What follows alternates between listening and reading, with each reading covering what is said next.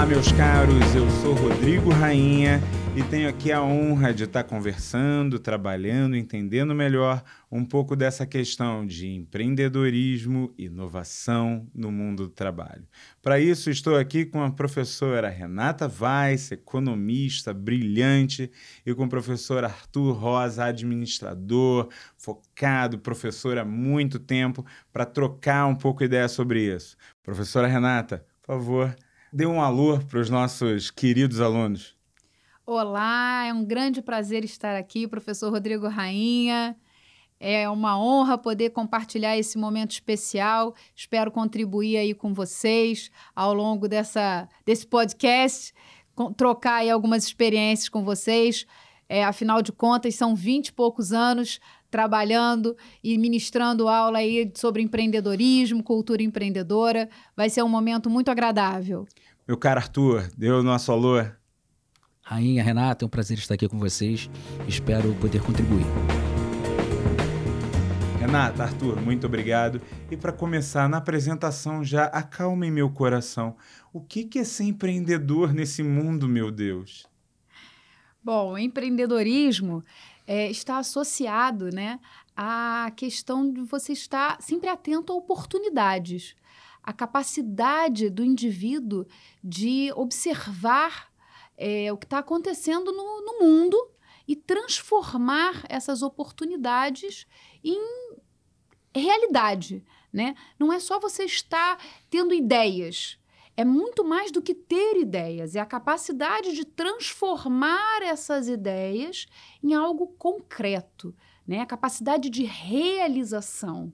Empreender vai além da possibilidade de ter ideias. É aquela pessoa que consegue transformar ideias em algo real, em algo tangível. Bacana a explanação da professora Renata, só complementando que basicamente o empreendedor é um solucionador de problemas. Né? Ele identifica oportunidades e essas oportunidades, em vários casos, elas solucionam problemas da nossa sociedade. Né? E isso tem valor. E das organizações também, né, Arthur? Certamente. E, e, eu acho que esse é um traço que é legal. Muita gente imagina que o empreendedor é aquele que decide abandonar o seu antigo emprego e se tornar um empresário vendendo alguma coisa que as pessoas estão precisando em determinado momento. Nem isso. Eu posso empreender dentro da minha empresa, eu posso empreender no setor público, eu posso empreender em, em outros segmentos que não sejam só essa maneira tradicional de pensar em dizer o seguinte: não, vamos lá, vou abrir uma empresa e me tornar tornar o novo mega empresário do mercado? É, o que você está colocando, professor Rainha, é, na verdade, o que a gente chama de intraempreendedorismo, né? Existe essa maneira clássica do empreendedorismo, que é aquela pessoa que cria um novo negócio pensando em satisfazer uma necessidade existente na sociedade. Ele identifica uma oportunidade de negócio e transforma essa oportunidade num negócio propriamente dito para satisfazer uma necessidade e cria esse novo negócio. Mas existe também o que nós chamamos de intraempreendedorismo ou empreendedorismo corporativo, que é o profissional que está dentro de uma empresa ou dentro de uma organização e ele percebe uma oportunidade de melhoria ou tem uma ideia de criar um novo produto, um novo serviço dentro da organização onde ele está inserido. O que hoje é fundamental, vista a competitividade do mercado. As organizações elas precisam de profissionais com esse perfil, porque elas precisam se diferenciar da concorrência. Então esse perfil hoje ele é altamente valorizado pelas organizações, pelo mercado. Quando a gente começa a falar então em empreendedorismo, acho que está começando a clarear o olhar. É, me explica melhor uma coisinha que sempre me incomoda. Eu tenho a ideia, então, da possibilidade de eu estar sendo um solucionador de problemas, eu tenho a possibilidade de fazer esse empreendedorismo criando um novo negócio, eu tenho essa possibilidade de fazer isso dentro da minha empresa, mas eu canso de ver nos noticiários, nos telejornais, que a dona fulana que em determinado momento teve uma dificuldade e foi vender um determinado produto, uma determinada coisa. Isso a faz uma empreendedora. Ela é uma empreendedora? Sim. Na verdade, podemos é, definir empreendedores por necessidade, foi o caso que você acabou de comentar, e empreendedores também por oportunidade. Né? São dois modelos, duas classificações que estão presentes aí na nossa bibliografia. Sendo que você muitas vezes tem um empreendedor por necessidade que acaba se transformando num empreendedor de oportunidade. Temos um caso clássico, não sei se você conhece, de um camelô chamado Davi, né? Que ele tem uma história é, muito curiosa, de que ele começou vendendo balas para arrumar dinheiro, para comprar remédios para sua esposa. E é um caso clássico de empreendedorismo por necessidade. E aí até ele vai monta uma banca de, de doces no centro da cidade. E aí ele começa a ter ideias de como trabalhar o seu modelo de negócio vendendo por delivery, lanches para as empresas e fazendo com que esses lances fossem entregues nas empresas no horário da tarde, quando as pessoas começam a sentir aquela fominha, né, depois do almoço. Então ele começa a transformar o seu, empreende o seu empreendedorismo por necessidade num modelo de empreendedorismo por oportunidade. E isso acontece muitas vezes, né? Empreendedores que começam nesse modelo de empreendedorismo por necessidade, e aí, quando começam a se estabelecer, começam a dar é, solidez ao seu negócio, eles começam a aprender e a identificar a oportunidade de diversificar, de crescer, de expandir o seu negócio. E aí começam a se, serem classificados pelo empreendedorismo de oportunidade. Legal. Então isso quer dizer que o empreendedor ele, ele não nasce empreendedor. Então é, eu posso ter uma oportunidade, eu posso ter uma solução, são características. Eu não tenho uma coisa fechada. Por exemplo, eu ouvia muito quando eu era mais jovem aquela não, não, fulano nasceu para ser empreendedor, porque justamente ele abriu uma empresa, fazia um negócio, tentava uma coisa. E pelo que eu estou vendo, é uma coisa completamente diferente. Ser empreendedor é algo que você pode se preparar, você pode se direcionar, você pode estar tá estudando para isso, para justamente você estar tá alcançando essas possibilidades dentro desse mercado, dentro desse mundo. É isso mesmo?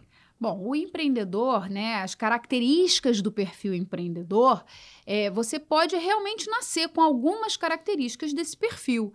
O empreendedor ele é um inquieto por natureza, né? É uma pessoa que está sempre com o radar ligado. Ele pensa fora da caixa, ele é criativo. Mas é, você pode também desenvolver algumas dessas características. Você não necessariamente nasce com esse perfil. Algumas pessoas têm essas características e nascem com essas características. Mas isso não quer dizer que você não possa desenvolver essas características. Você pode, é, atento ou é, desejoso dessa possibilidade de se tornar um empreendedor, desenvolver ao longo da sua trajetória as características necessárias para se tornar um empreendedor. Empreendedores de sucesso, geralmente, além de serem visionários, de assumirem riscos, serem determinados e líderes, eles é, têm uma boa dose de organização, e nunca perdem o foco de planejamento. E são determinados, né? São pessoas Certamente. que... Certamente. Cara, essa questão de foco, planejamento, determinação, acho que me leva a eu pensar uma outra questão que é fundamental, que é o seguinte, parece que todas essas pessoas, de alguma maneira, elas têm a, aquela coisa do trazer algo inovador, de trazer algo que de alguma forma você busca ou você cria em, em forma de solução e, que não necessariamente precisa ser algo tremendamente tecnológico, tremendamente. Me, me parece que tem uma coisa de inovação aí nesses sujeitos. Sim, é, e aí é um outro conceito que a gente precisa trabalhar de inovação e algumas classificações. Né? Tem aquela inovação disruptiva, que ela muda completamente é, o olhar da sociedade sobre algo. Essa realmente tem um impacto muito uh, profundo, né? E tem a, a inovação incremental, né? É uma inovação que não tem um impacto tão grande, mas para as organizações elas também são muito bem-vindas, né? E as organizações precisam constantemente revisitarem processos, produtos, e esse tipo de inovação também agrega muito valor às organizações e olhando o, o empreendedor individual também a, a sua prática do dia a dia quando a gente fala em inovação, eu fico sempre imaginando aquele laboratório da NASA, aquela estrutura fantástica. É óbvio que a questão da tecnologia ela tem um poder, ela tem um fascínio aí, é, mas tecnologia não é necessariamente computação, informática. A busca de novas tecnologias tem a busca de rever técnicas, né? de estudar processos, de ver aquelas possibilidades. Como é que a gente nesse mundo de empreendedores, de inovação tecnológica, o que, que eu preciso? Se eu quiser realmente, tá, eu tenho uma ideia, eu tenho uma possibilidade, como eu me organizo? Como é que eu começo isso? Primeiramente, as organizações elas precisam criar um ambiente para que isso seja possível. Né? Você criando a cultura da inovação, né? onde novas ideias são sempre bem-vindas e são bem aceitas. Né? Isso é um desafio para as organizações para que possam se manter no mercado ou até mesmo crescer no mercado por conta da competitividade. Tá? Agora, existem processos ligados à inovação, etapas que precisam ser cumpridas e as organizações precisam estar atentas a isso. Complementando, uma coisa importante é, que a gente precisa colocar é a coisa da possibilidade de errar. Né? Já dizia Jack Welch punir o erro é garantia de que ninguém mais vai tentar nada. Então, nesse processo de criatividade, de inovação, nós não temos garantia nenhuma de que nós vamos acertar sempre. Então, se nesse processo de cultura da inovação, cultura de mudança, é, quando nós queremos estimular as pessoas a tentarem coisas novas, nós temos que estar preparados também para eventuais falhas. Eu fico lembrando sempre de uma história fabulosa que, por exemplo, o antibiótico ele foi descoberto a partir de uma falha tenebrosa em que justamente a gente precisa estar atento a isso. Sim, né? Então, se as pessoas tiverem medo de errar, elas não vão fazer nada, elas não vão criar. Então, as organizações precisam estar abertas para isso.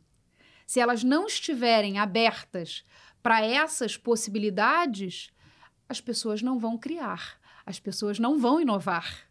Não é isso? E aí tem toda uma é, mudança cultural nesse sentido. Quando a gente fala, então, desse processo de inovação, em criar um ambiente de inovação, é, quais são as fases? O que, que a gente precisa pensar? Como é que a gente organiza esse negócio dentro de uma empresa?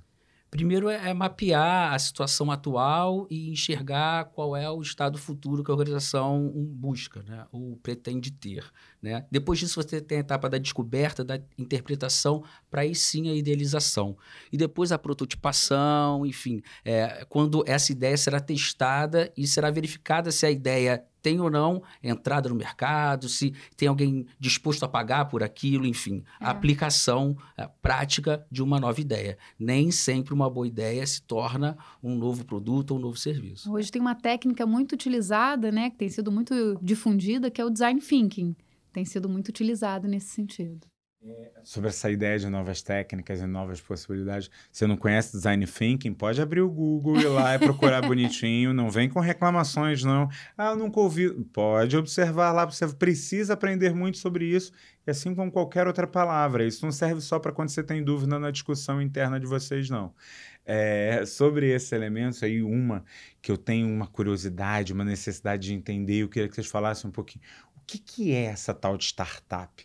Me, me parece que ela está bem no meio desse furacão de informações entre empreendedorismo, inovação, novo mundo, novo mercado. O que, que é esse negócio de startup? Por que, que eu crio um negócio como esse? O que, que isso significa? Isso são empresas né, em estágios iniciais que estão é, iniciando o seu negócio. Então, é, quando a gente começa um negócio, é, o ideal é que a gente tenha é, a oportunidade de testar o meu negócio. É, e nesse modelo inicial, nós começamos é, normalmente no estágio, quando tem a oportunidade dentro de incubadoras, e quando a gente sai da incubadora, nós damos a denominação de startups, porque elas estão nessa fase inicial. Né? Por isso a denominação de startup. É, nesse primeiro momento, a, a, denominação de startup é porque elas estão nessa fase inicial. E aí é legal que quando você pega, por exemplo, grandes empresas e grandes nomes do mercado hoje, muitas delas começam como startup. Sim, sim. Você pega, por exemplo, o, o, o Uber, você pega, por exemplo, Hoje as empresas, elas começam muitas vezes isso e, e, o mais interessante, como você falou, dessa lógica das incubadoras, muitos saem de outras empresas. Sim. São serviços ou dinâmicas dessas próprias empresas que passam a abrir as possibilidades, funcionários, grupos, outros que passam a estar dentro e trocar com aquilo ali de uma outra forma. Sim é um mercado muito diferente. É um mundo. Quer dizer, aquela grande corporação, aquele grande prédio estruturado com 12 mil escritórios, 14 mil tipos de profissões. Eles vão testando o modelo de negócio. Na verdade, é, é um modelo é, inicial, né? Para testar se aquele é, negócio realmente tem condições de se consolidar. Né? De algumas características bem interessantes. Geralmente são compostas por pessoas extremamente qualificadas, comprometidas e onde a estrutura organizacional é muito flexível, o que permite virar a chave de uma forma muito rápida para atender a novas demandas, novas perspectivas. Fora de série. Eu estou muito feliz dessa troca, eu, eu, aprendo de maneira fantástica. E para a gente poder fechar, para bater esse papo com o nosso aluno, tem um último pedido que eu tinha para fazer. É, hoje a gente está vendo uma tendência, uma coisa meio nova, em que várias empresas, entre aspas, tradicionais, estão se apresentando como empresas de tecnologia. O que, que, é isso? Que fenômeno é esse? Por que, que a tecnologia, ou por que, que essas empresas têm se entendido dessa forma? Só para provocar um pouco do olhar do aluno. Não tem resposta certa ou errada, não. É só para que ele possa estar tá atento a esse mundo que está mudando. Na verdade, é uma questão de adaptação dessas organizações. Né? A forte entrada da tecnologia no mundo dos negócios fez com que essas organizações tradicionais também se reinventassem. Se reinventassem. Então, é algo que veio para ficar e não tem mais volta. Eu tomei um susto quando o McDonald's, por exemplo, ou outras empresas de alimentação se apresentam como empresas de tecnologia. Eu falei, uai. Eu achei que era sanduíche, né? E é, e é interessante. É, porque é, é, é, a lógica da solução, né? Sim. É verdade, mas é porque hoje é, todas as empresas buscam a tecnologia como uma forma de acompanhar o processo de mudança. Na verdade, não tem como fugir disso. Né? A, as empresas de todos os setores usam a tecnologia para acompanhar é, é, é, a, a, mudança que está acontecendo no mundo. Né? Nós estamos num mundo digital. Então, se eu não incorporar a tecnologia no meu modelo de negócio, eu acabo não acompanhando o que está acontecendo no mundo. Então, empresas de, dos mais diversos segmentos de transporte, de serviços, de alimentação, de vestuário, elas incorporam a tecnologia para que elas consigam acompanhar a evolução, as mudanças, as demandas da sociedade como um todo. Ouviram bem, meus caros? Quando vocês agora tiverem a oportunidade de trocas, reconhecimentos, aprendizado digital, reconheçam como uma grande oportunidade. Vocês estão plenamente antenados com o que há de mais contemporâneo, o que há de mais novo dentro dessa nova dinâmica organizacional. Arthur, Renata, foi uma honra para mim. Meus caros alunos, estudem, que isso é fundamental. Thank you.